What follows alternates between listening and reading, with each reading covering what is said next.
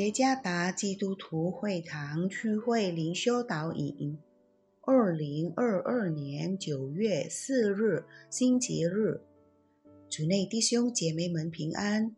今天的灵修导引，我们要借着圣经《约翰福音》二十一章十五到十九节来思想今天的主题：成为使者。作者张明慧传道。约翰福音二十一章十五到十九节，他们吃完了早饭，耶稣对西门彼得说：“约翰的儿子西门，你爱我比这些更深吗？”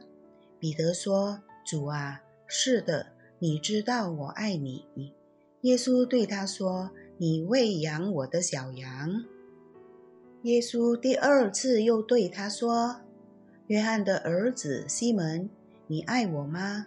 彼得说：“主啊，是的，你知道我爱你。”耶稣说：“你牧养我的羊。”第三次对他说：“约翰的儿子西门，你爱我吗？”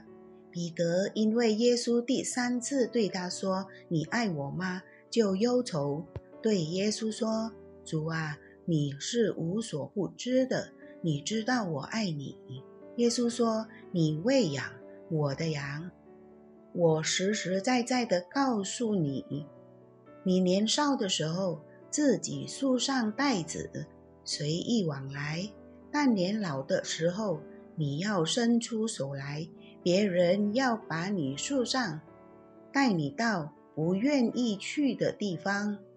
耶稣说这话。是指着彼得要怎样死，荣耀神。说了这话，就对他说：“你跟从我吧。”在国际上，我们知道国家之间存在着称为外交的合作关系，履行外交职责的人称为大使，大使的职责。是作为在国外代表其国家官员的工作。今天神的话是耶稣复活后第三次向门徒显现的事件。耶稣知道，就物质肉体而言，他在地上与门徒相处的时间不会很长，他将升到天堂。这就是为什么。耶稣给门徒任务，在这段经文中，耶稣特别吩咐彼得继续耶稣在世界上未完成的事工使命。耶稣对他说三遍：“喂养我的羊。”耶稣派彼得去传讲耶稣在十字架上为除去人类罪孽所做的救恩的消息。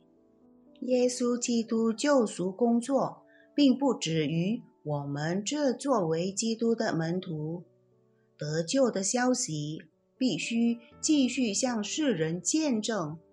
上帝差派我们成为代表他在世上的使者，我们的目标是继续上帝的使命，让每个人。都能听到耶稣在十字架上所做拯救的工作，让我们都回应这个崇高的呼召，继续向我们周围的人传讲福音。